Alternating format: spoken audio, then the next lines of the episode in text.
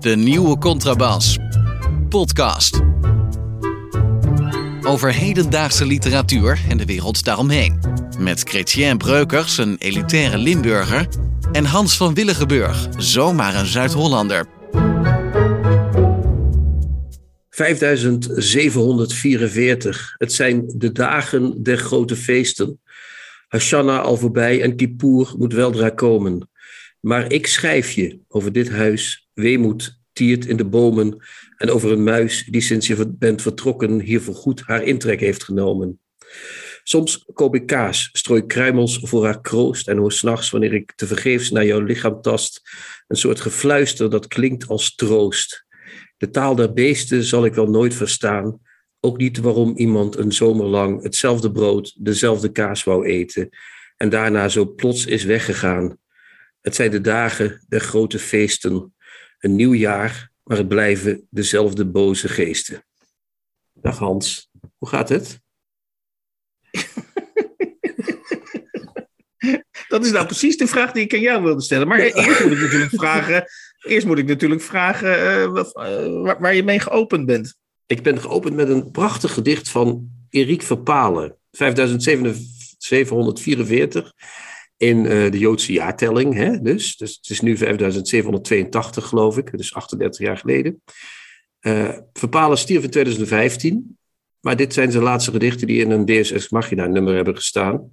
En Jan Polet, een van onze luisteraars, zei: Jullie moeten maar eens een gedicht van hem voorlezen in de podcast. En ik vond dit omdat het over de, het einde van alles en de laatste feesten en de boze geesten gaat. Ja. Dacht ik, daar begin ik eens lekker mee met een vrolijk gedicht van Erik Verpalen. Ik, ik, heb wel, ik vond wel een, een, een, een mooi gedicht. En, je, en ik geniet ook altijd van jou. Want jij, jij, leest het, vind ik ook altijd heel erg mooi voor. En nu we het toch over een gedicht hebben, uh, Chrétien, jij en ik, wij zijn bevoorrechte mensen. Niet alleen maken, mogen we deze podcast maken. Dat is natuurlijk sowieso, maar zijn we oneindig bevoorrecht. Maar wij hebben deze week ook allebei een heel mooi gedicht opgestuurd gekregen van een hele bekende dichter. Oh ja, van wie en, was dat, uh, dat gedicht, maar dat, de, dat gedicht heet Spreiding. En ja. uh, de dichter van dienst is Arjen Duinker. Dat, uh, dat wil ik vriend, wel verklappen. Vriend van de show, hè? Ja, ja vriend van de show. Hij gaat eind, begin februari komt hij, komt hij live in de show. En dat betekent niet dat we een verbinding met hem gaan leggen, maar dat hij bij ons gaat aanschuiven. Maar wij zitten dan in Rotterdam. Aangezien ik vind, Chrétien, dat, dat Arjen Duinker zo goed kan voorlezen, dat, dat nog ik, nog jij, denk ik, dat gedicht dat wij opgestuurd hebben gekregen. En wat een fantastisch, vind ik ja, een fantastisch Ja, was geniaal. Ja, ja, ja, hij is heel goed. Ja, ik um, uh, dat, dat, dat, we, wachten dus, we moeten dus nog even wachten met het gedicht Spreiding van Arjen Duinker. Maar uh, wij hebben het al gelezen, wij hebben het gemaild gekregen van de dichter in eigen persoon. Ja, dat, Zullen we één zinnetje doen om de lezers alvast voor 3 februari op te hitsen? Ja, echt. Oké. Okay. Henk is geen mens meer, hij is een kam. Ja, toch fantastisch. Dat, dat is, is geen mens meer, hij is een kam. Ja, geen ja, wie dat meer wil weten, die moet 3 februari, nee, 3 februari nemen we het op. Dus dan uh, daarna, 6 of zo februari, is, is het te horen bij ons in 2022. Uh, dan even van de poëzie toch maar even naar de brandende actualiteit. En dat is dat uh, ik zomaar hoorde, of voorbij hoorde uh, of in, in het voorbijgaan hoorde, zo moet ik het eigenlijk zeggen, dat uh, Eusjan Akjol, uh, vroeger schrijver, ik weet niet, hij, hij, schrijft nog wel, maar hij schrijft voornamelijk columns, boeken zie ik hem al de hele tijd niet meer publiceren, die, gaat, die heeft de ultieme sprong gemaakt, namelijk naar gast bij VI Vandaag. Dat is de nieuwe show van Johan Derksen, toch of niet? Ja. En daar moet ik iets van vinden, of niet? Nou ja, ik denk. Nee, niet. Kijk, nou ja, het, is, het, leek mij. Het leek mij het, nou, de reden dat ik het opbreng uh, is dat. Uh, het is wel een aparte.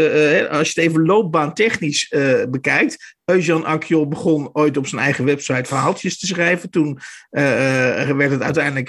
publiceerde hij een roman. En toen is hij één keer bij de Wereld Draait Door op bezoek geweest. En toen was hij onmiddellijk eigenlijk de status van schrijver ontstegen. Ja, ja. En toen, toen is hij fulltime programmamaker uh, geworden. En nu is hij dus, uh, uh, ik denk, op een hele, met een heel lucratief contract, dus aangeschoven bij VI vandaag. Het is hoogstens een bewijs dat schrijver tegenwoordig net misschien als Kamerlid, het is een soort doorgangs, het is een doorgangsstation geworden misschien. Ja, misschien wel. Maar nou, in ieder geval voor Eus wel. Maar ja, ik ben wel bang dat, kijk, Johan Derksen is natuurlijk iemand die, ik ben gefascineerd door Johan Derksen, maar die doet niets anders dan de rebel spelen en de, de gemiddelde mening geven. Hè? Dat is een beetje Johan. Als je wil weten wat de gemiddelde mening is, moet je Johan Derksen luisteren. Mhm. En bij Eus is dat inmiddels ook al zo. En ik lees die columns, want ik heb namelijk topics, omdat ik een abonnement heb op Trouw. Ja. En uh, op de topics lees ik de columns van Eus. En die zijn ook van een mainstream-achtigheid waar je helemaal koud van ja, dat hadden we al eerder geconstateerd. Klopt, ja, En, en, en ook uh, zijn programma's op televisie. Mijn moeder kijkt daarnaar. Dus ik, uh, als ik bij haar ben, kijk ik wel eens mee naar de geknipte gast en dat soort bullshit. Mm -hmm. Dat is ook van een mainstreamheid waar je echt helemaal koud van wordt. Dus ik vrees het ergste voor die show. Dat wordt of niet te doen van mainstreamheid. Of, of, of ik denk dat, ja, ik weet het niet, Hans. Zeg jij ja, maar, ik, wat ik gaat ben het bang worden? dat dit woorden die je zojuist hebt uitgesproken, dat die als, als ze door Angela de Jong waren uitgesproken, dat ze met enige huiver waren, waren ontvangen. Maar de, als Chrétien Breukers dit zegt, ben ik, ben ik bang dat het toch heel weinig invloed gaat hebben op, uh, op de kijkcijfers van dat programma. Nee, dat, dat, dat, dat begrijp ik ook wel, Hans. Maar, maar slecht blijft het wel allemaal. En weg moeten ze ook. Ik zit je een beetje te stangen. Ja, dat, maar dat lukt je niet vandaag, Hans. Ik ben volledig in uh, balans met het universum. Dus kom maar op. Uh, kom maar op met je onderwerpjes. Oké, oké. Uh, nou, je, je, je, je, vorige week zei jij dat je opgelucht was dat we even een pauze gaan houden. Omdat je, nou, je, was, wel wel even, je was wel even klaar met dat podcast lezen. nou, ik heb het, deze... wat, laat ik het zo zeggen, we zijn natuurlijk al even bezig met, met, met deze podcast. Ik denk uit mijn hoofd zo'n negen maanden dat we deze podcast maken. Um, en ik Nee, zou eigenlijk een soort korte terugblik uh, aan het einde van het jaar. Um, op, het alle, ja, min of meer tussen aanhalingstekens verplichte podcast lezen waar we onszelf uh, aan, aan, aan vastgeklonken hebben. Nou, ik vond het in het begin heel fijn, merk ik. Uh, nou, nou, noem maar echt, de- eerste zes, zeven maanden. Maar de laatste weken had ik een beetje moeite, merkte ik. Ik, ik begon me een beetje te vervelen. Dan moet ik zeggen dat vandaag eh, één eh, boek wat we voor vandaag, twee boeken die we voor vandaag gelezen hebben, mij zeer goed bevallen zijn. De derde misschien iets minder. Ik zal nog niet zeggen welk. Eh, maar ik ben wel blij dat ik dadelijk drie weken gewoon zelf boeken mag lezen. Dat, eh, dat kan ik wel zeggen, ja.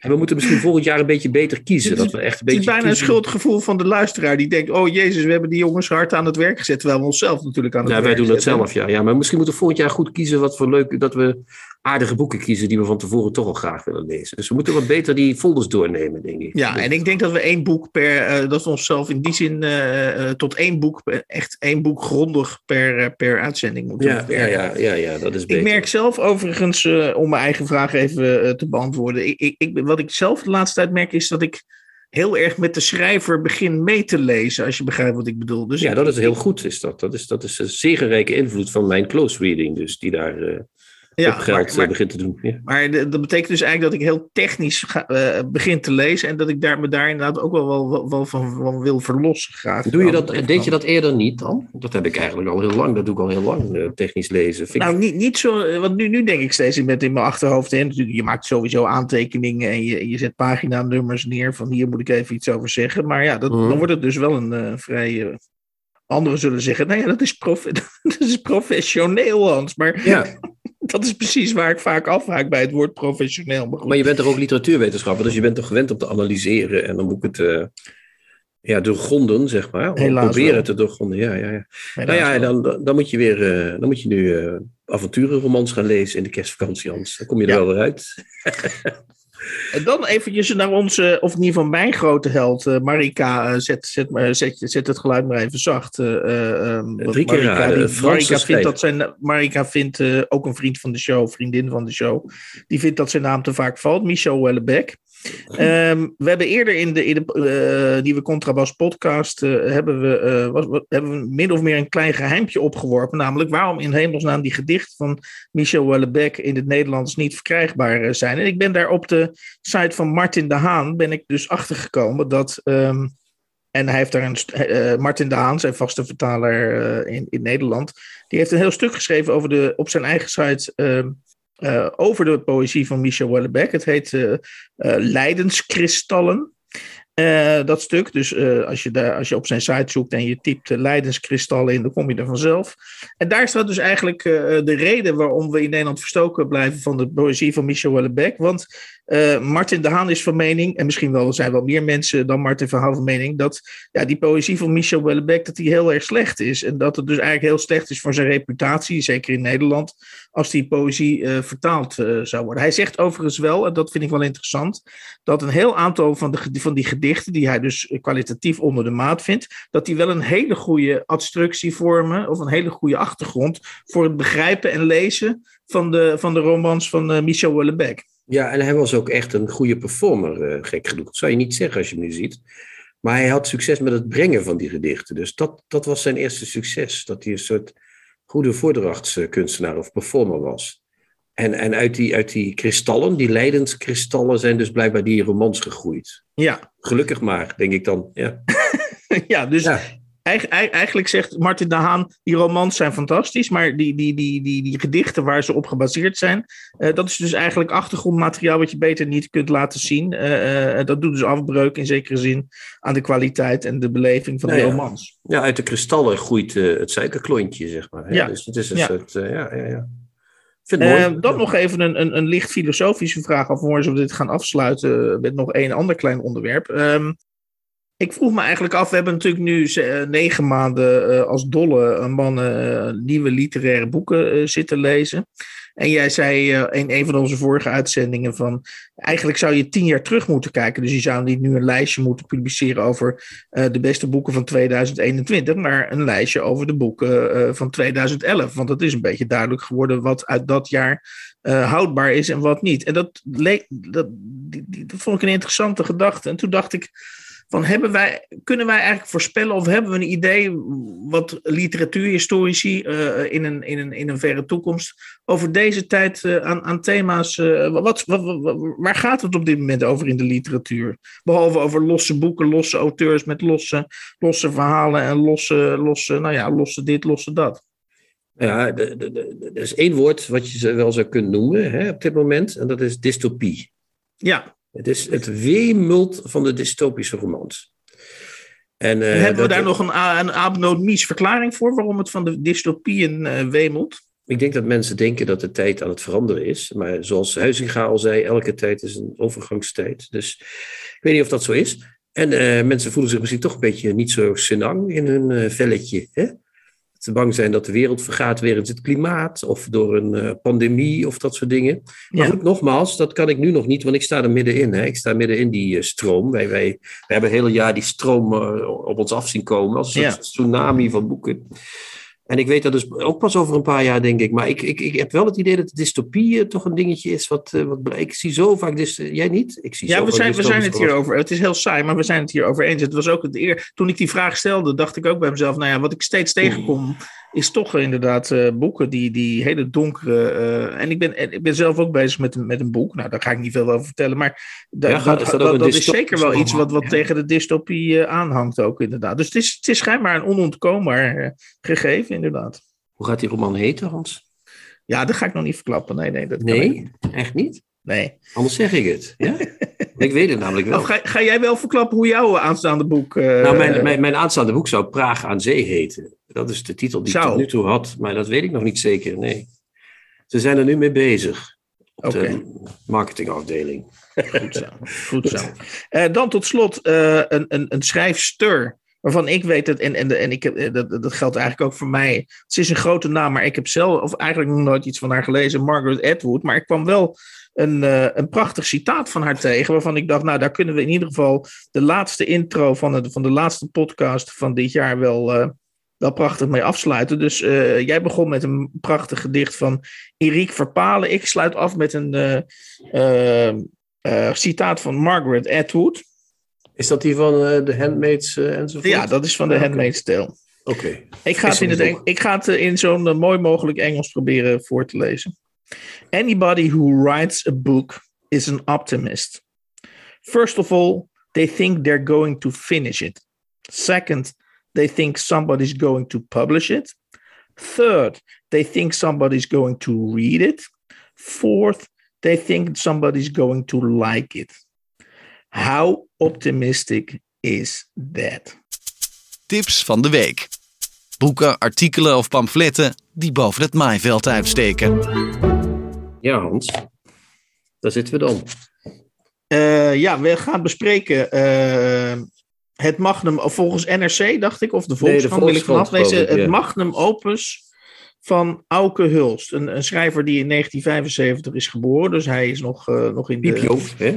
baby eigenlijk, in wezen. Om het met het thema van het boek meteen te beginnen. Ja. en nou, ik heb het boek uh, uh, al ruim een week geleden heb ik het gelezen. En, ja, ja, ja. Uh, de, de namen zijn al een beetje, een beetje weggezonken, maar de, de grote lijn van het boek, dat staat natuurlijk nog helder voor de geest. Um, oh, de, de, de hoofdpersoon heet Auke Hulst. Nee, die heet van der van der, van der, Hulst. Hulst. Ja, ja, ja. ja, ja. A.K. Ehm, Anthony. Ja. ja. Nou het boek, uh, het is een heel dik boek van 606 pagina's of daaromtrent. En zullen we de titel even doen? De Mitsukoshi ja. Troost Baby Company. De Mitsukoshi Troost Baby Company, klopt. Ja. Uh, en in een van de interviews die ik met Auke Hulst gezien heb, want hij heeft er meerdere gegeven. Als je kennelijk zo'n dik boek schrijft uh, en je heet Auke Hulst, dan moet je overal interviews geven. in een van die interviews zei hij met lichte trots dat, dat hij alle genres uh, in dit boek bespeelt. Ja, is ook zo. Nou ja, niet alle, want er staan weinig gedichten in. Maar proza komt aardig wat aan bod, toch? Ja. Um, en um, ja, ik, goed, dan is de logische vraag, uh, en misschien ga ik dan toch even eerst naar jou, Kretje. Um, wat vinden wij van dit boek? Uh, het, het, nou ja, we gaan eerst vertellen hoe het in elkaar Ik denk dat het belangrijkste is dat we eerst even het, centrale gegeven, want daar draait alles om, het centrale gegeven van dit boek eventjes moeten toelichten. Doe jij dat? Nou ja, je hebt een eh, schrijver dus, Auke van der Hulst. Die is bezig met het schrijven van een roman. Zijn schrijversnaam is A.K. Anthony, A.K. Anthony. Uh, en die roman heet De Lassen van de Tijd. Daar is hij mee bezig. Uh, tijdens het schrijven van, dat, uh, van die roman houdt hij een dagboek bij. Een soort privé-domeinachtig dagboek, zegt zijn mhm. redacteur. Ja. En in dat dagboek vertelt hij over zijn leven als schrijver en over zijn uh, verleden, maar ook over zijn onlangs aangeschafte robotkind. want dat heeft, dat is, zo kan ik het toch wel noemen. Hij, hij ja. schaft een soort intelligent leven aan, maar dan in robotvorm. Ja, dat, is een troostbaby dus. En die heet Scotty. Uh, Scotty is uh, zijn uh, troostbaby, maar wel wat ouder kind, zeven jaar of acht jaar of zo. En daar vertelt hij dan ook over hoe dat leven verloopt met dat kind. En dan vertelt hij ook in dat dagboek, en dat begint dan al met een plotlijn die we eigenlijk niet kunnen verraden als je het wilt lezen, waarom hij dat kind wil hebben. Wat dat kind voor hem is. Het is een soort troost, inderdaad voor iets wat er in zijn verleden oh, Oké, dus, dus wat voor mij het kernthema is, daarvan zeg jij, dat moeten we eigenlijk niet benoemen. Oké, ja. Nou ja, je, het kernthema is dat hij dat kind heeft, omdat hij met een vriendin, met een verloren eh, relatie, een doodkind uh, uh, heeft. Uh, of althans, hij heeft het kind geaborteerd, zeg maar. Ja, ik wou net zeggen, dat is in, een belangrijk nuance. Ja, sorry, excuseer. Die, maar die worden ook meestal doodgeboren. Maar goed, het was fout van mij, dat klopt.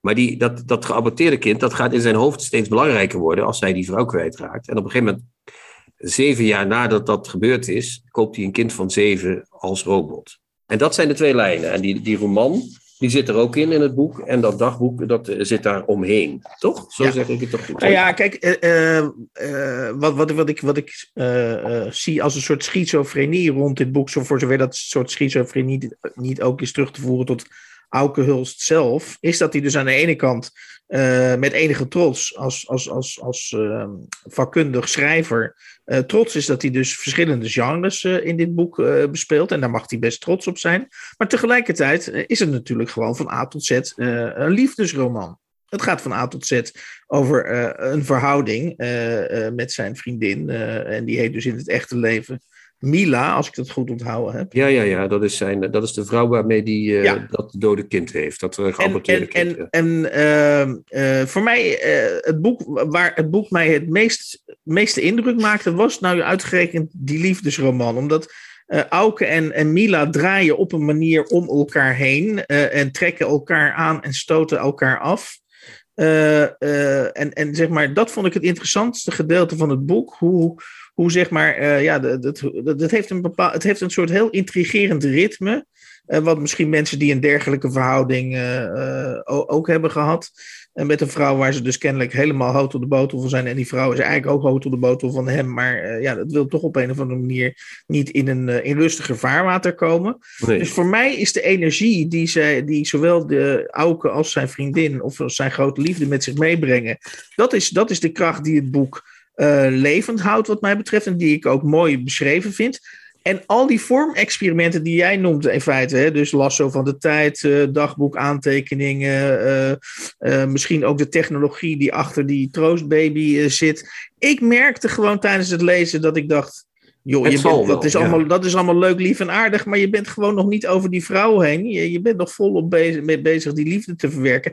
En ik vond het ook enigszins sympathiek aan het boek, maar uh, waarom ik er toch moeite mee heb, is dat, er, dat ik denk, ja, het is eigenlijk, er staat eigenlijk een heel groot hek om dit boek. Namelijk, dit is een privéproject van Auke Hulst, uh, waar wij eigenlijk, uh, ja, die via een boek zijn laatste liefde probeert te verwerken. Nou, dat vind ik een heel mooi gezegd. En dat idee heb ik ook, dat hij dat probeert te doen. En uh, het boek is, uh, we hebben het eerder gehad uh, in ander verband over imponeerkunst. En in zekere zin is het boek natuurlijk ook imponeerkunst, dit boek. Ja. Want hij wil imponeren. Kijk mij eens, ik kan dat. Ik kan zo'n groot boek schrijven. Ik heb een magnum opus geschreven. ik heb een groot boek geschreven. En dat boek dat gaat allemaal over troost en over grote thema's en over relaties en over de techniek. Maar ondertussen inderdaad is dat alleen maar gooi- en smijtwerk, wat jij zegt, om die om de gevoelige kant van de auke in kwestie uh, te, te, te verhullen of, of weg te krijgen. Hè? Dat we niet te veel uh, op die relatie letten, maar dat doen we dan ondertussen toch. Want zoals je weet, Hans, dat zei je net al, wij lezen technisch, dus wij lezen ja. er doorheen. Ja. Kijk, er een mooie roman in deze roman. Ter verdediging van Auke, niet dat we moeten verdedigen, maar ik, ben, laat ik het zo zeggen, ik, ik wil mijn oordeel wel, nou ook niet noodzakelijkwijs genuanceerd laten zijn. Maar hij speelt aan het einde van het boek, speelt hij ook met het gegeven dat hij zelf uh, eigenlijk ook zich deels schaamt voor het schrijven van dit boek. Uh, uh, en dan hint hij erop dat hij misschien op het laatste moment de, de, publicatie van dit boek gaat verhinderen. Nou, dat is natuurlijk een, een, een ja, is ook een soort literaire truc die hij aan het eind ja. uit, uithaalt. Um, kortom, uh, als ik, als ik, wat, het is goed dat je dit imponeert. Ik denk inderdaad dat je dit in zekere zin imponeerkunst uh, zou kunnen noemen. Maar dan denk ik, nou dan lees ik toch, en om even een oud zeer naar boven te halen, dan lees ik toch liever Grand Hotel Europa van Ilja Leonard Pfeiffer. moet ik eerlijk zeggen, dat, dat vind ik dus gaan over iets eigentijds, namelijk over het groeiend, of, of, of de stempel die het toerisme op... Alsjeblieft op, Hans, doe even normaal. Ja, ik zit even oud zeer erin te drijven. Ik wrijf ja, het er even in. Het is net kerstmis bijna dan ga je zoiets doen. Wat ja. is dit? Ja. maar dan, dan, dan komt Auke Hulst wat mij betreft dus niet verder dan... Hoewel, hoewel indrukwekkend beschreven, komt niet verder dan Auke Hulst zelf. Uh, ja, en, maar, uh, ja, dat is wel waar. Ja. ja je hebt wel gelijk. Maar ik, ik, ik zou... Uh, ik denk dat hij, wat we hebben vorige week ook gezegd, laat die tekstverwerkers wat minder snorren, lieve schrijvers. Ja. Het hoeft allemaal niet. Eén verhaal is ook al genoeg, weet je wel. Ik heb zijn vorige boek ook gelezen, Zoeklicht op het gazon heette dat. Heet mm -hmm. dat. Dat, gaat over, dat is een soort roman over Nixon, een korter boek. Dat is veel beter, dat is veel strakker, dat, is veel, dat zit veel, en dat heeft echt iets met, dat gaat echt over politiek, weet je wel. Dat, is, ja. dat, dat, dat, dat zegt echt iets. En dit boek zegt ook van alles, maar het is meer zo dat het alles naast elkaar zegt. En dus de, een, dus de eenheid komt er niet. En aangezien, ja, hij zegt zelf niet dat het zijn magnum opus is. Dat zegt de krant. Maar, nee, dat zegt geloof ik Maarten Steenmeijer. Maar, ja, ja, maar het is natuurlijk in die zin ook geen magnum opus daarom. Het is een groot, een, een, een dik boek. Hij heeft veel geschreven. En hij laat zien dat hij kan schrijven. Maar ik blijf wel op honger zitten van dit boek. Dus met andere woorden, uh, mensen, als je Auke Hulst leest, en dat is helemaal geen slecht idee, nee. dan eerder zijn vorige boek. Uh, uh, hoe heet dat boek ook alweer, zei je? Dat heet, ja, wacht, ik kan het net hier voor me liggen. Zoeklicht met gazon. Op het, zoeklicht op het gazon, maar ook andere boeken. Ik herinner me Titus Broederland, dat is ook een fantastisch boek. En uh, uh, Kinderen van het Ruige Land. Een, een goede schrijver, echt een fantastische ja. schrijver. En dit is ook geen slecht boek, daar gaat het niet om. Maar je moet heel vaak, dat, dat, dat, ik merkte bij mezelf dat ik heel vaak vooruit zat te bladeren. Dat ik dacht, nou, Nou ja, nog onder, onderdeel van het boek is dat, dat verschillende delen van zijn autobiografie, en in dit geval dus van zijn affaire met Mila, die worden natuurlijk door de opzet van het boek die, vanuit verschillende perspectieven, vanuit verschillende contexten opnieuw herhaald. En ja, dan op een gegeven moment, dan, dan weet je, heb je inderdaad, dat kan ik beamen, dat je dacht van schiet een beetje op, Auken, en moet het allemaal al zo lang. Soef, soef, soef, ja. Soef, soef, taas. Ehm, dan een tweede boek wat we bespreken hebben. Dat is van een hele kleine uitgever die we eigenlijk, waarvan we voor het eerste boek Nee, nee, nee. We hebben daar die twee is... Tsjechen al van besproken. Die twee, die twee boeken van die, van die Tsjech, Rostovski. Oké. Okay. Uh, even kijken. Egon Rostovski. Ja, ja die, dat was ook van hun. Siri, hoe heet ze nou? Ja, dat is uh, een uitgever, kleine uitgever. Ik, zeg, ik zei het vorige keer verkeerd. Siri, ja, Siri Miri Press. Ja, twee mensen. een Z. Siri ja, Miri Press. En dat is helemaal nog even los van, uh, van de inhoud. Het is prachtig uitgegeven. Het boek heet Roerige Tijden en is van de Zuid-Afrikaanse schrijfster Ingrid Winterbach. Ja, en het is me. Wat is het voor boek, Hans? Is het een het is een soort road novel. Hè? Iemand gaat op reis de hele tijd. Het is een uh, liefdesroman ook wel, toch? Het is een, ja. ook een beetje een whodunit. Hè? En uh, het is een beetje wie krijgt wie. En het is een beetje slapstick en een beetje avonturenroman. Ja. Kortom, never a dull moment met, uh, met Ingrid, Ingrid Winterbach. het boek gaat over een Margita Prinslo, hele Zuid-Afrikaanse naam overigens ook.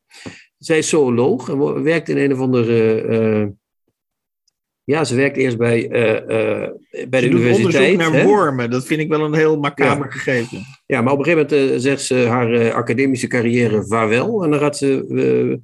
Helemaal in het begin is dat al. Ja, dan gaat ze een positie bij het Bureau voor Voortgezet Onderwijs aannemen.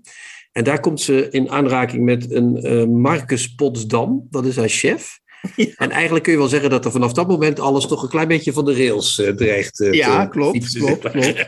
Want dat is en... me er ook een, uh, die Potsdam. Maar goed, ja. ja. Ja. Ja, ja, dat klopt. Maar ik, ik kan het dus niet helpen uh, dat ik een hele grote, of tenminste, ik moest bij dit boek steeds denken aan de debuutroman van Michel Houellebecq. De, wereld als, ja, de wereld als markt en strijd. Dat gaat ook over een werknemer die, uh, net als bij Margriet Prinslo, die wordt dus uh, door Marcus Potsdam, die vreemde vogel waar Chrétien het net over had, die wordt dus um, ja, uh, overal naar allerlei plekken en steden in Zuid-Afrika gestuurd. En met geen andere opdracht dan de geldschieters van het bureau ja, een beetje, ja, hoe zeg je dat eigenlijk? Een, lekker te te maken en, dat ze geld gaan, gaan storten voor het ja, bureau. Of, of, of blijvend geld, geld gaan storten. Ja, doneren, ja. Maar, maar ze heeft ook, ja, het is wel een soort, maar Welbeck heeft natuurlijk niet dat slapstick achter. Dat heeft hij daar niet in, de, in die debuutroman. Nou, er zit nee. wel een beetje in, maar, maar zij, zij, zij leest ook, ze komt, er komt in het boek ook een boek van Wellebeck voor, hè? dat zei je net ergens. Wat, ja, wat, op pagina 143 komt... Uh, oh ja, ja, dan zegt ze, dit is onbeschrijfelijk lelijk hoe die eruit ziet dan. Hè? De, de Wellebeck ja, is onbeschrijfelijk lelijk. Even kijken. Ze stapt in de, de, de hoofdpersoon, de Margriet Prinslo, dus die stapt in een taxi en dan, dan de volgende passage. Op de passagiersstoel naast de vrouw, naast de taxichauffeur, ligt een boek. Ze heeft geen zin in een uitvoerig gesprek, Margriet Prinslo dus. Maar ja. Margrieta kan het niet nalaten de vrouw te vragen wat ze leest. Hoewel ze dus geen zin heeft in, om erin te spreken. Het is de nieuwe roman van Michel Houellebecq. Houellebecq is onbeschrijfelijk lelijk, zegt de vrouw. Hij klaagt over oudere vrouwen bij wie alles uit en afgezakt is. Maar zelf lijkt hij nog het meest op een verschrompeld geslachtsdeel.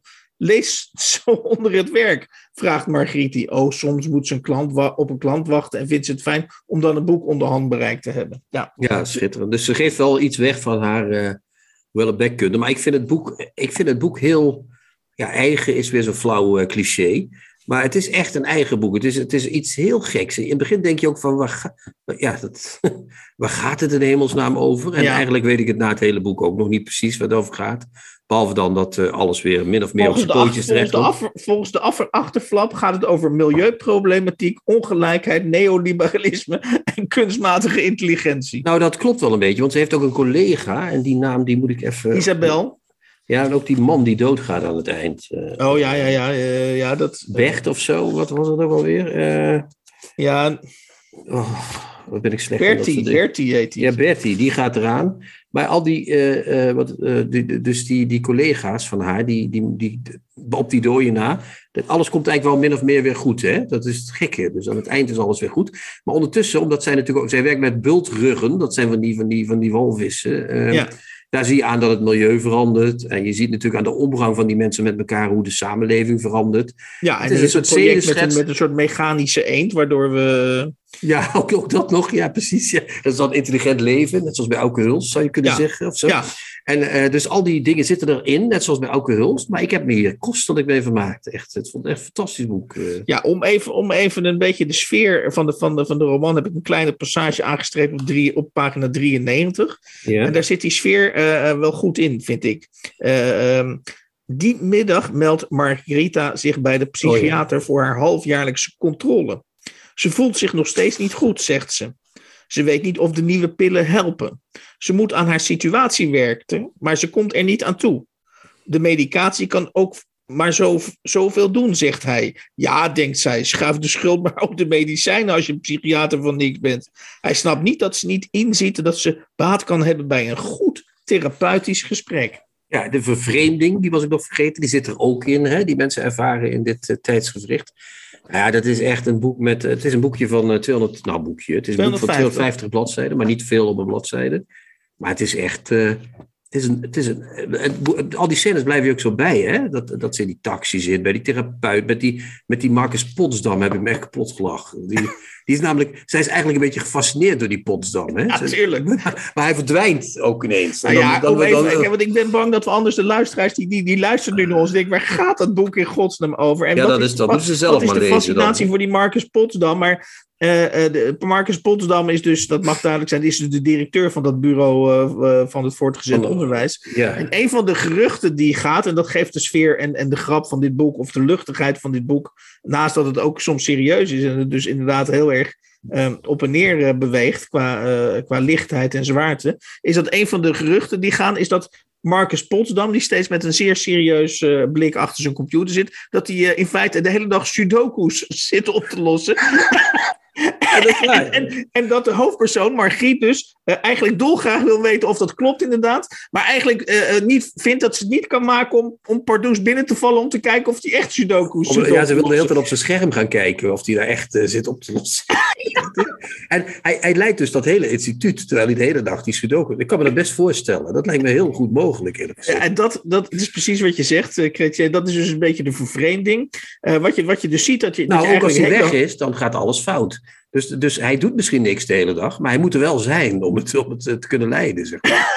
En als hij weg is, dan, dan gaat dat hele instituut, eh, dan, dan moet Margriet eh, alle zeilen bijzetten om, om, om, om nog uh, wat dingen bij elkaar te... Margrieta moet dan nog allerlei dingen doen om de zaken bij elkaar te houden. Ja, en het woord dat ik bij, bij dit boek... Om, want ik, ik probeer af en toe een, een boek, dat is natuurlijk onhaalbaar, maar ik probeer een boek dan in één woord samen te vatten.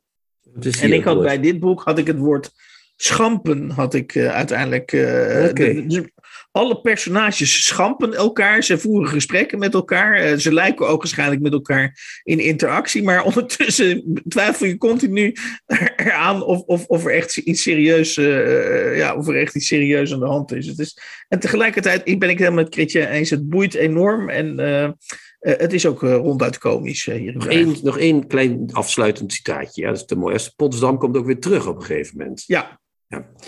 203, bladzijde 203. Als ze de volgende morgen op kantoor arriveert, komt Isabel haar met grote ogen en blozende wangen tegemoet. Fukke duk, zegt ze. Potsdam is terug. Hij zit in zijn kamer, voor zijn computer, alsof hij geen dag weg is geweest. Margita is met stomheid geslagen. Ze klopt zacht op de deur voordat ze naar binnen gaat. Haar hart gaat tekeer. Hij komt lomp overeind als ze de kamer betreedt. God betert, voor zijn computer in hetzelfde soort overhemd dat hij altijd draagt. Inderdaad, alsof hij nooit is weg geweest. Ja. Schitterend, toch? Ja, ik vind het heel, heel mooi. Uh, uh, ik, ik denk, uh, nogmaals, ga dit boek, tenminste als je, als je, als je een leuk boek wilt lezen, wat, waarvan je er niet snel een tweede, ja, kortom, ik zou bijna zeggen een uniek boek, maar dat ga ik natuurlijk niet zeggen. Zoals Thomas de Veen. Een uniek, met uniek proza zit er ook in. Zit allemaal in dit boek, mensen. Roerige tijden.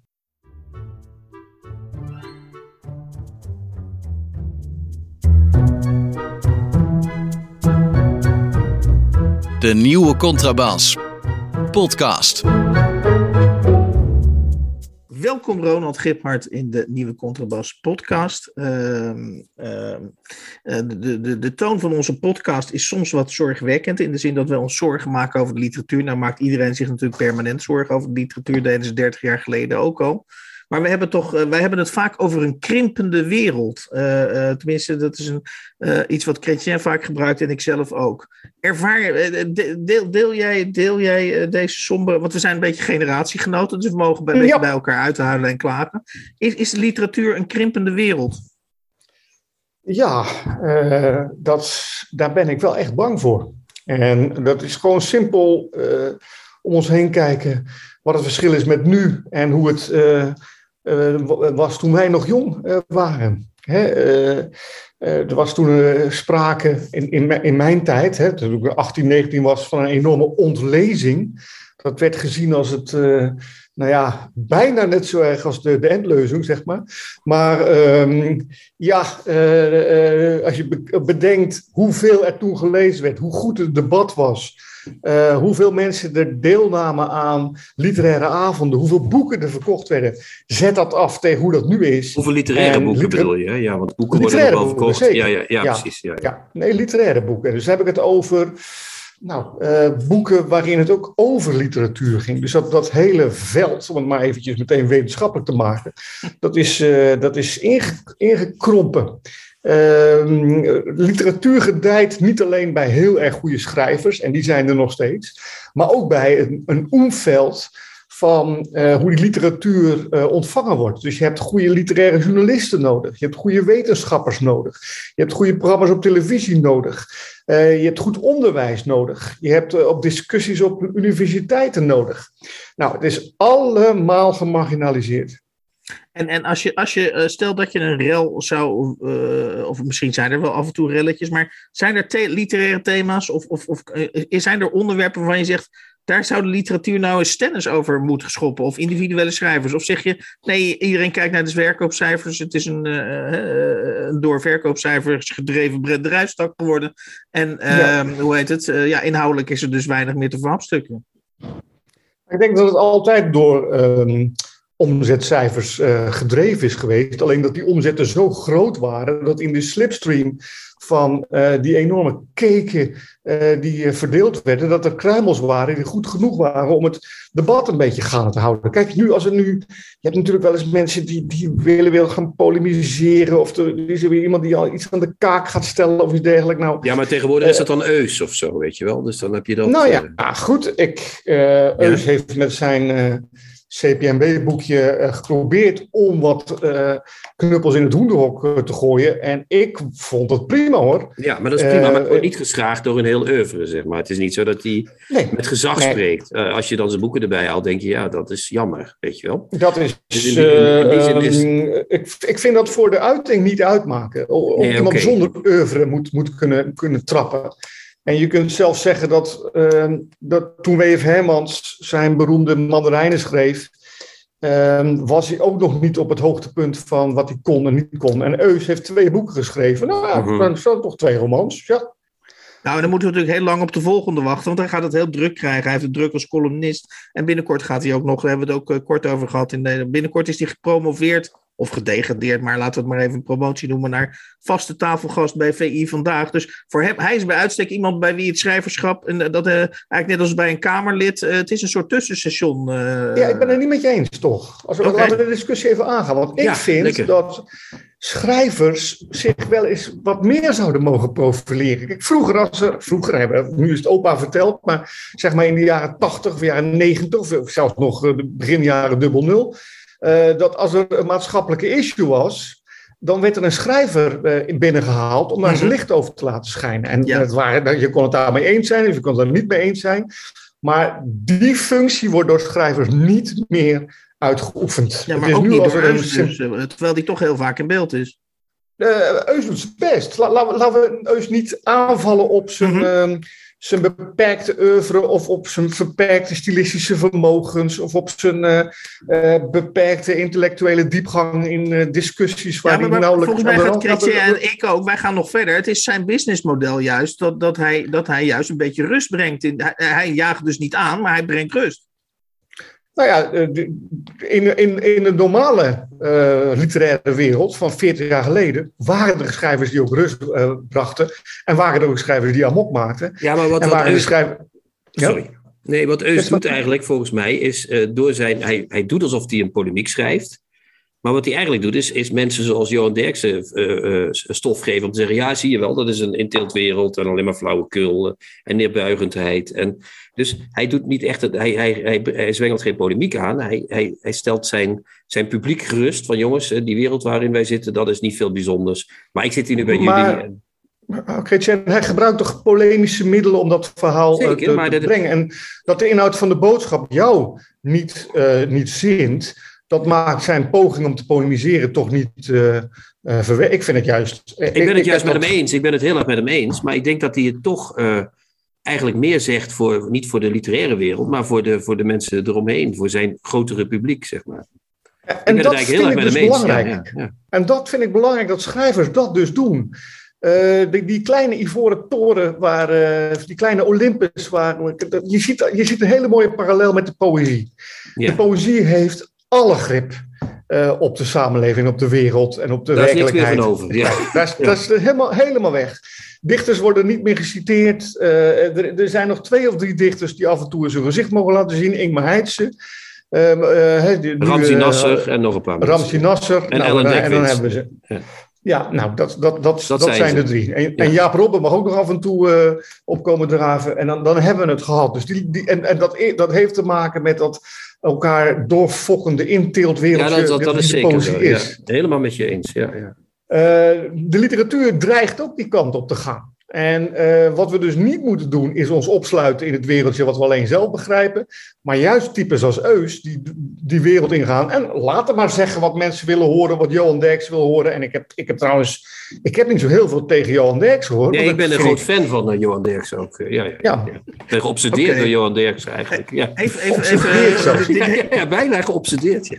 Het heeft toch een hoog vijftigers uh, klagen over de wereld? Ja, maar, ik, ik, maar nee, dat, dat, dat is is waar. helemaal niet. Nee, nee, ik, klagen. nee, Ronald zegt juist dat we, moeten, dat we, dat, we dat nog kunnen voorkomen. Hè? Dat de, de, de ondergang, ja. de Titanic is bijna gezonken, maar we kunnen nog, hij kan nog drijvend blijven. Nou, wat ik wel, ik had toevallig, uh, kreeg ik vandaag een filmpje doorgestuurd van mijn collega Kluun. Uh, een TikTok-filmpje. Oh ja. En uh, Kluun zit op TikTok en die heeft um, veel volgers. 100.000 volgers staan. Ja, man, ja, enorm. En dat, die zijn die gemiddeld allemaal onder de, de nou ja, ik wou, wou een grap maken, die zitten allemaal gemiddeld zeg maar de Marco Borsato-leeftijd, maar laat ik die grap niet. Uh... dat is een soort strafbare leeftijd hebben die allemaal, zeg maar. Ja. Nee, maar goed, het zijn dus, dus jonge mensen die ja. in de bloei van het leven dat ze nog geheel voor zich hebben en, en, en eager om literatuur te gaan consumeren. En dan komt daar Kluun en die gaat vertellen, uh, als een meisje zegt van ik hou van spannende boeken, dan, zegt, moet je dit lezen. Of ik hou van rebelse boeken, dan moet je dit lezen, moet je dit lezen. Je... En dan hij, over de hele literatuur breed, Nederlands literatuur, komt hij met voorbeelden. En ik vind dat fantastisch. Um, uh, ik, dus hij is een soort boeken, boekenadviesbureau eigenlijk. Ja, dat, dat is hij, daar is hij mee begonnen. Uh, en het doel is dus om jonge mensen voor literatuur warm te krijgen. En uh, er wordt nu op, op, alle mogelijke manieren worden er pogingen gedaan om uh, het lezen onder jongeren te stimuleren. En gek genoeg zie je daar wel behoorlijk wat vruchten. Uh, er gloren toch. De, het zal ook een Boeken soort. zijn weer hip, hè? Boeken zijn weer hip bij jongeren, dat is echt zo. Ja, ja, ja. Boeken beginnen hip te worden. En ook, ik merk dat aan mijn eigen kinderen, de oudste twee, die zijn 24 en 22, nou, die, die zijn nog. Uh, die beginnen spontaan te, uh, te zuchten als het om, om, om boeken gaat. Uh, maar mijn jongste, die, die is 15. bij hem merk je al dat het wat meer standing begint te krijgen. Ja. Ik heb zelf dit jaar meegedaan aan een project, Readification heette dat. waarin in een game, een beroemde, beroemde game, Assassin's Creed, dat oh, ja. zich afspeelt in de wereld van vikingen, et cetera. Daar, dat, dat spel wordt heel veel gespeeld door, door Nederlandse en Belgische jongeren. En er zit een appje bij op de telefoon. En in die app staat informatie over de game. Ik zie mijn, mijn, mijn jongste zoon is voortdurend als hij aan het gamen is, dat hij ook zijn iPad erbij heeft, omdat daar ja. zijinformatie te vinden is. En wat ze nou bedacht hadden, het was een idee vanuit de CPMB, een Amerikaans voorbeeld, om juist in die app, waar die verhalen verteld worden over de, de spelers van de game, om daar literaire verhalen doorheen te sneaken, zonder erbij te zeggen dat het literaire verhalen zijn. Okay. Dus uh, ik heb samen met een uh, collega uh, Margie Woetrop hebben we een paar literaire verhalen geschreven. Die zijn aangekleed door de makers van die game. Dus met alle geluiden en beelden van die vikingen. En mannen met baarden en nou, noem maar op. En uh, die zijn als een malle gedownload, die verhalen. Oké. Okay, het dus, grappige was als die verhalen... Hè? Ja, dat klinkt bijna als een natte droom voor leesbevorderaars. Want ik heb, ik heb ooit in een artikel, heb ik met, met, met ongeveer elke ambtenaar die aan leesbevordering doet, heb ik met... En de, en, en de strekking was steeds, nee, je moet het niet... Dat vond ik een wat vreemde strekking, maar jij onderschrijft dat dus. Namelijk dat je, zodra het woord lezen noemt, dan, dan haken ze af. Dus je moet het op allerlei manieren verstoppen, wat jij dus hierbij bevestigt, dat ze zelf niet door hebben dat wat ze aan het doen zijn uh, iets literairs is. Ja, dat, dat is... De, maar ja, dat, je, je moet het op meerdere kanten, via meerdere kanten moet je het gaan bevechten. Want er is dus de, de, de, de TikTok-kant van, van jonge uh, lezertjes. Mm. Uh, en we hebben nu de redification. Dat zijn dus uh, de, de, jongens en de meisjes die via een U-bocht toch weer bij zo'n verhaal komen. En het grappige is, er zitten dus dolkliks bij naar verhalen die ze ook konden lezen en boeken die ze ook konden lezen. Die, die zijn ook 36.000 keer gedownload of zo. Ja. Dus daar, daar, gebeurt echt wel wat. Dat is wel mooi, hè? De, de uh, verheffing, maar dan in anno 2021 uh, verstopt. Ja, ja, dat, het, moet gebeuren. Ik heb zelf ook meegedaan, dus ook weer dit jaar, aan een uh, site die heet Tracks, On Track. Het was een, een, initiatief van onder andere Albert Heijn en Ziggo en al grote, grote partijen. En die, wil, die willen iets terug doen. Dat is nu helemaal hip onder, onder grote ondernemers. Die willen maatschappelijk ondernemen. Dus de, mm -hmm. die hebben een gratis app gemaakt. Die heet On Track. En in die gratis app word je niet getracked zelf. Dus je wordt niet gevolgd. Je hoeft geen e-mailadres achter te laten. Er is geen enkele manier krijg je spam of wat dan ook. En het enige wat het is, het zijn filmpjes à la uh, van die Instagram stories met um, wat leuke wetenswaardigheden over uh, onderwerpen. En, wat, wat, en het, aanvankelijk was het bedoeld voor vakkenvullers van de Albert Heijn, als een soort cadeautje. Dat ze zichzelf een beetje konden, Appig, ja. uh, een beetje, beetje konden trainen, et cetera. En dan heb je dus, uh, hoe heet die, Typhoon, die vertelt hoe je een goede rap maakt en een goede ja. track maakt. En je nou. hebt uh, de jongen van de jeugd van tegenwoordig, uh, hoe heet die? Uh, Pepijn Lane. Oh, nee, Pepijn Lane, die ook een paar boeken heeft geschreven. Ja. Die uitlegt van wat creativiteit is. We gaan even deze trick, ga ik je uitleggen wat creativiteit is. Ja, man. doe niet zo. je hebt me helemaal in de vibe gebracht van, van leuke, hippe, op jongeren gerichte projecten. Die ook nog wel eens misschien heel veel effect kunnen gaan sorteren. Zullen we het nog over je eigen boek gaan hebben, Ronald? Of zullen we dat gewoon... Uh... Nou, ik vind het leuk, maar, maar, dan maar nog even die on-track afmaken. Ja, ja, ja, ja, ja, want daar waren we nog niet. Ik heb daar een on-track gemaakt over uh, lezen. Dus niet over schrijven, niet over literatuur, niet over de inhoud, maar het is gewoon over het lezen aan zich. En uh, er is namelijk heel veel hard wetenschappelijk bewijs dat lezen goed voor je is. En volgens mij zag ik vandaag van jou een tweetje, Chrétien, over uh, waar komt toch een stom idee vandaan dat lezen goed voor je zou zijn? Was jij dat niet? Uh, zou zou Chrétien gezegd kunnen hebben. Ja, maar dat is, ja, er, er, is veel wetenschappelijk onderzoek naar, maar ik geloof dat toch niet helemaal eigenlijk, eerlijk gezegd. Nou, er is, er is maar het was niet mijn tweet volgens mij, maar goed. Oké, oké. Okay, nou, ik, ik zag het vandaag voorbij komen. Ik dacht, waar ga ik hem vanavond eens aan? Daar zal ik hem eens over hebben. nee, er is echt veel hard wetenschappelijk bewijs uh, dat, uh, kijk, in onze tijd was je, was, je, was literatuur iets, ging je met een, met een boekje in een hoekje zitten. Ja. Uh, was een asociale bezigheid eigenlijk. Ja. dat, dat sloot je je af. Nou, wat inmiddels de wetenschap, en dat is allemaal, uh, als je daar meer over wil lezen, The Origin of Stories bijvoorbeeld, dat is een prachtig boek uit Australië, met allemaal een overvloed aan bewijzen mm -hmm. dat lezen nou juist, dat je socialer wordt van lezen. Dat hebben ze onder andere bewezen met een onderzoek um, onder uh, gevangenen. Ze zijn gaan zoeken naar mensen die aantoonbaar op een. Oh, je kan sociaal gedrag en empathie en um, nou ja, betrokkenheid kan je, kan je meten. Uh, en dat doe je door vragenlijsten. En dan kan je iemands uh, sociale behoeften en sociaal gedrag kan je meten. En gevangenen scoorden redelijk laag in het sociale spectrum. Dus die hadden weinig empathie en weinig mededogen en um, waren redelijk asociaal. En toen hebben ze een groot experiment bedacht dat ze tegen die, die mannen, waar voor een groot deel mannen, zeiden van, goh, um, zou jij boeken willen lezen tegen betaling? Dus voor ieder gelezen boek krijg je drie dollar die je mag besteden in de gevangeniswinkel. En um, daar werden die mannen, die, werden daar, uh, die, deden daar aan mee, voor een groot deel. En um, hun sociaal gevoel werd dus gemeten voor het lezen en na het lezen. Er werd ook gemeten of ze de boeken die ze moesten lezen ook echt gelezen hadden. Er werd gesproken met hen over wat ze lazen. En wat bleek, dat, uh, dat lezen enorm bevorderlijk was voor hun sociaal gevoel. Dus voor hun mhm. inlevingsvermogen in personages. Uh, er werd met hen over gepraat. De kans op recidive, als ze dan eenmaal de gevangenis uit waren, nam enorm, enorm af. Het werden empathischere mensen.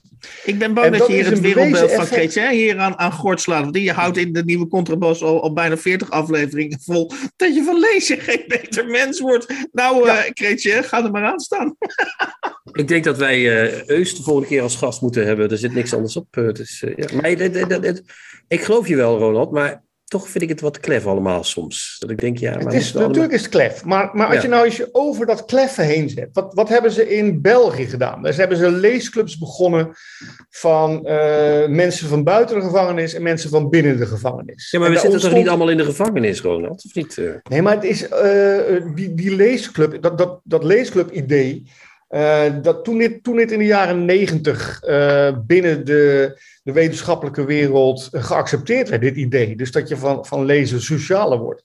Um, hebben ze een, bijvoorbeeld uh, One City, One Book. Ik weet niet of je die actie ja, kennen. Oh ja, ja, ja. ja, ja. Waar, Nederland leest ook eigenlijk op gebaseerd is. One City, One Book was, uh, ik geloof Seattle of Detroit. In 128 steden in Amerika is het uiteindelijk um, is het, gebracht, deze, deze test. Wat ze, wat ze deden was buurten waarin het verval zichtbaar was. Dus waar de samenleving aan het desintegreren was. Daarvan zeiden ze, we, gaan, uh, we nemen een boek. En dat, dat is een boek met een beetje een sociale invalshoek. Maar liefst een roman. Ik zeggen, doet het, er, doet het er überhaupt nog toe wat je ze te lezen geeft? Maar goed, dat, uh, nou, maar... ja, ja klein, klein beetje wel. Klein beetje wel. Dus we beginnen we dan eens met Ulysses van James Joyce voor iedereen. Ja, dan, dan ga je weer meteen uh, een stap te ver. Nee, dan beginnen we met bijvoorbeeld een boek van Eus. Over een, een, personage dat in de gevangenis heeft gezeten en zich dan los weet te maken. En dat, ja. dat maak je in een oplage van, van 10.000 verspreid je over hele buurt. Ja, ja. Hele buurt. Iedereen gaat meelezen. En wat je gaat doen is dat je avonden organiseert in die wijk. Dat mensen met elkaar, bij elkaar komen om over dat boek te, boek te praten. En je kan geen fouten maken, want met lezen, dat is de wet. Ja. Uh, uh, dat zei Pennock al. Um, wat jij leest, is dat boek. Dat ben is... je al gebeld? Ronald, Ronald, ben je ja. al gebeld? Ik bedoel, uh, we weten allemaal dat we nu aparte ministeries krijgen, dat die nog weer extra muurtjes komen. minister voor dat, minister voor dat. Als ik jou zo hoor, denk ik, hier, ik, ik ben live aan het luisteren naar de nieuwe minister van Lezen. Nou ja, ik, uh, dit is ons vakgebied, hoor. Daar is toch deze, ja, deze nee, hele ik, podcast nee, maar voor ik, bedoeld, ik, ik, denk bijna van, volgens mij, ja, ik, maar goed, je bent, je bent, bijna, je bent enorm gepassioneerd over, hè, de, de, ja. de, dit was één vraag en eigenlijk zijn alle andere vragen hiermee geskipt. Maar ik vind het een heel belangrijke vraag, want, want we, we, beginnen dit gesprek met het idee van het gaat zo, zo rot en het gaat natuurlijk ook rot, maar er valt wat aan te doen. Nog, ja. nog, Ketchen, nog, nog één bewijs. Ik voel me nu net als iemand die overtuigd moet worden, weet je wel. Ja, maar dat is heel goed. Heel goed bij, bij jou ja. heeft het gewerkt al, alleen um, ik wil je niet uh, dat, dat, je nu zeg maar uh, uh, een soort antivax literatuur, dat de vaccinatie het lezen is en onder jongeren en dat, die, dat er nog wat verstokte antivaxers zitten die zeggen... Laat die jongeren met rust. Laat die, laat die jongeren... Ja, ja, dat, wordt natuurlijk, dat, dat zijn de Aristoms van deze wereld. Ja, dit wou ik net gaan ehm, zeggen, die namen. Dat, ja, jullie zijn altijd heel goed met elkaar geweest, dus dat is prima. Zeker, maar, zeker. Ja. Nee, maar even, even nog, nog, één, nog één bewijs. Ja, druk het, druk het even door, dat puntje. Ja, kom op. Eén bewijs toch, kijk. Um, en dan gaan we gewoon naar lezen, dat zijn lettertjes op papier of lettertjes op een e-reader of wat dan ook, maar dat, dat zijn lettertjes. En um, dat heet, dat, je hebt een taalcentrum en je hebt een, een taalverwerkingscentrum en je hebt een beeldcentrum. En uh, omdat taal vaak gekoppeld is aan beeld, hè, eh, via een beeld of een metafoor, uh, kan je iets oproepen. En het mooie is, en dit is wat ik altijd vertel als ik op scholen ben, of bij, bij, bij studentenverenigingen, of bij bejaardenclubs of wat dan ook.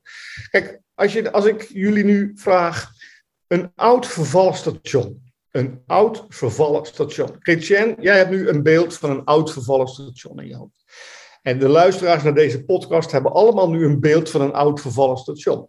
Hans, uh, waar, waar, zit jouw oude vervallen station? Waar, uh, waar denk je uh, aan? Ja, dat is heel raar. Maar ik kan vroeger, mijn eerste stations waren altijd in Zwitserland, maar die zijn niet echt vervallen. Maar laten we even uitgaan, laten we even van uitgaan dat er al heel lang niemand naar dat Zwitserse plaatsje komt. En dan ja. gaat het vanzelf, is het aan verval onderhevig. Mooi. En Christian, waar zit jouw... In uh, Tsjechië, in, uh, ergens in Tsjechië, 100 kilometer Mooi. van Praag. Ja, ja, ja. Christian die zit in uh, Tsjechië, Hans die zit in Zwitserland. We hebben allemaal zelf dat beeld opgebouwd. Dat is cognitieve arbeid. Er is informatie overgegaan van je taalverwerkingssysteem naar je, naar je, je, je, zeg maar je taalbewerkingssysteem. Je hebt er een brug gemaakt naar je, je beeld. Dus er zijn beelden in je hoofd gekomen en dat noem je cognitieve arbeid. En wat is nou bewezen wetenschappelijk onder, onderzoek? Dat je van lezen, als je dat vaak doet, dat die cognitieve banen die gelegd worden, uh, die neurale snelwegen die, uh, waar we allemaal uh, wagentjes overheen gaan, daarvan worden je snelwegen breder. Je wordt er scherper van, je wordt er slimmer van. En lezen is een bewezen manier om je intelligentie te verhogen. Nou, als dit geen appel is ja. om meer te gaan lezen, dan weet ik het Ik niet. zou bijna zeggen, schrijf het even op uh, wat je nu ja. net verteld hebt. Want uh, al die, we weten natuurlijk ook allemaal dat die leesbevorderingsboeken en die ambtenaren en die mensen die met die, die zijn ontiegelijk saai. Die, uh, tenminste, kan ik uit eigenlijk. En, en jij vertelt ja. het wel op een hele spannende manier. Dus, nou ja, Scherder, de, de, de, de, wetenschapper. Ja. Ja, die heeft net ook dit jaar een boekje geschreven over uh, de, de, kunst van het lezen. Ik weet, ik weet niet precies wat, maar over uh, hoe we lezen. Uh, er zijn nog veel meer te zijn. Je, je wordt gezond, gezonder van. Je wordt, de, hij komt met allemaal theorieën. Sommige zijn een beetje dodgy, sommige zijn echt bewezen over waarom het zo goed is om te lezen. Oké. Okay. Zo. Ik ben, ja, nou, ik, ben echt, ik, ben, ik ben echt spra Ja, dankjewel, Ronald. het was, was, het was, ik ben helemaal stupefait naar dit prachtige exposé van jou. Ik ook. Ik vind het echt fantastisch. Het was onverwacht, maar dat is vaak het leukste natuurlijk. En nu lijkt het net alsof ik een bruggetje maak en ga slijmen. Maar je hebt een heel mooi boek geschreven. Dat ook nog eens een oh, keer. Ja. Maar ik stel voor dat, dat we dat een andere of, keer uh, gewoon... Uh, want ik, ik, ik, ik zou je dolgraag nog een keer in de podcast willen hebben. Uh, oh, we gaan even een kleine pauze doen. Oh, oké. Okay. Prima. Maar anders wordt het wel... Kijk, we, we, hebben, geen zenderman, we, we, hebben geen zendermanagers. Uh, godzijdank bij de nee. podcast. Maar we hebben wel Erik. En die zegt, ja jongens, een uur is wel het maximum voor een podcast. Dus, ik, ik anytime jongens. Ik, Kom je nog een keer terug? terug. Oké. Okay. Zeg je dan, moet je nu gaan zeggen, lieve luisteraars van de nieuwe Contrabas podcast, ik ben nu bij jullie geweest, maar ik kom terug om over mijn boek Nachtangst te spreken. Luister allemaal, zoiets. Maar dat kun je wel, hè? Dus neem je dat even op, Erik? Nee, hoe wacht. Oh, het loopt, oh, het loopt, oké. Lieve luisteraars van de nieuwe Contrabas, wat toch een van de beste podcasts is over lezen en literatuur, die niet alleen de wereld, maar ook Nederland ooit gehad heeft. Uh, volgende keer ben ik graag terug om meer met jullie te praten over mijn nieuw verschenen roman Nachtangst. Een roman over schrijven en over de kracht van het woord versus de onmacht van het beeld. Moet je horen. Hans leest een favoriete passage voor uit een boek dat hij onlangs gelezen heeft. In Tiflis wonen in de lente, 20 jaar oud zijn en niet bemind worden, dat is een ramp. Zo'n ramp overkwam mij. Ik werkte als corrector op de drukkerij van het Caucasisch Militair District. Onder de ramen van mijn zolderkamer bruiste de Koera. Ochtends liet de zon, opkomend van achter de bergen, de troebele kolken van de rivier opvlammen. De zolderkamer huurde ik van een pasgetrouwd Georgisch stel. Mijn huisbaas verkocht vlees op de Oosterse bazaar. In de kamer naast de mijne ging de slager en zijn vrouw, razend van liefde, tekeer als grote vissen opgesloten in een potje. De staarten van de verdwaasde vissen sloegen tegen de tussenwand. Ze lieten onze zolder zwart geblakerd door de loodrechte zon schudden op zijn grondvesten, rukten hem los en voerden hem mee in het oneindige. Hun tanden waren onwrikbaar opeengeklemd in de koppige grimmigheid van de hartstocht.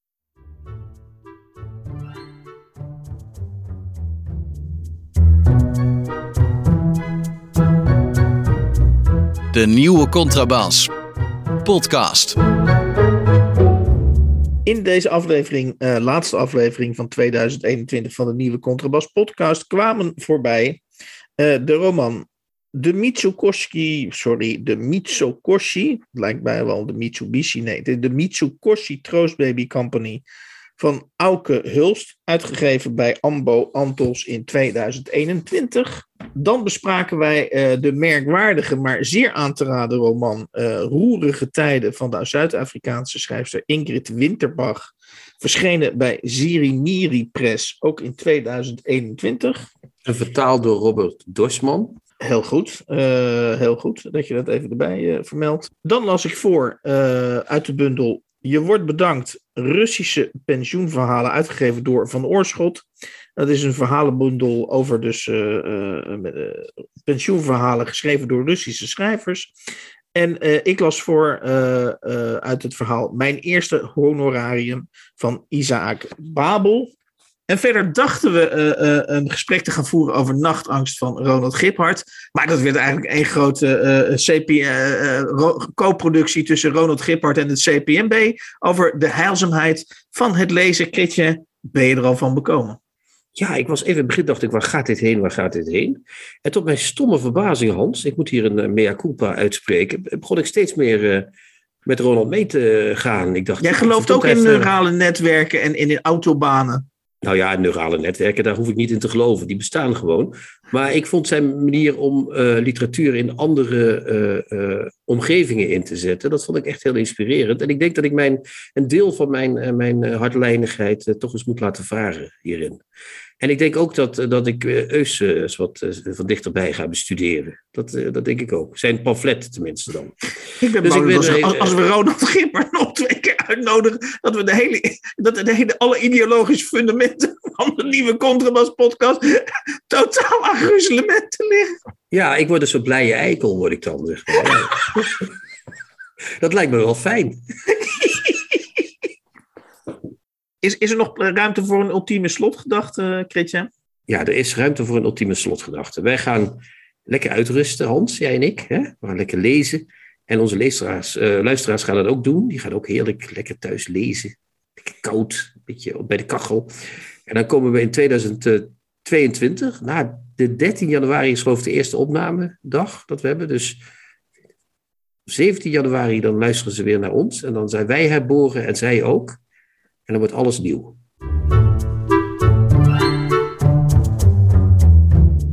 De nieuwe Contrabas podcast wordt gemaakt door Chrétien Breukers, Hans van Willigenburg en Erik Lindenburg.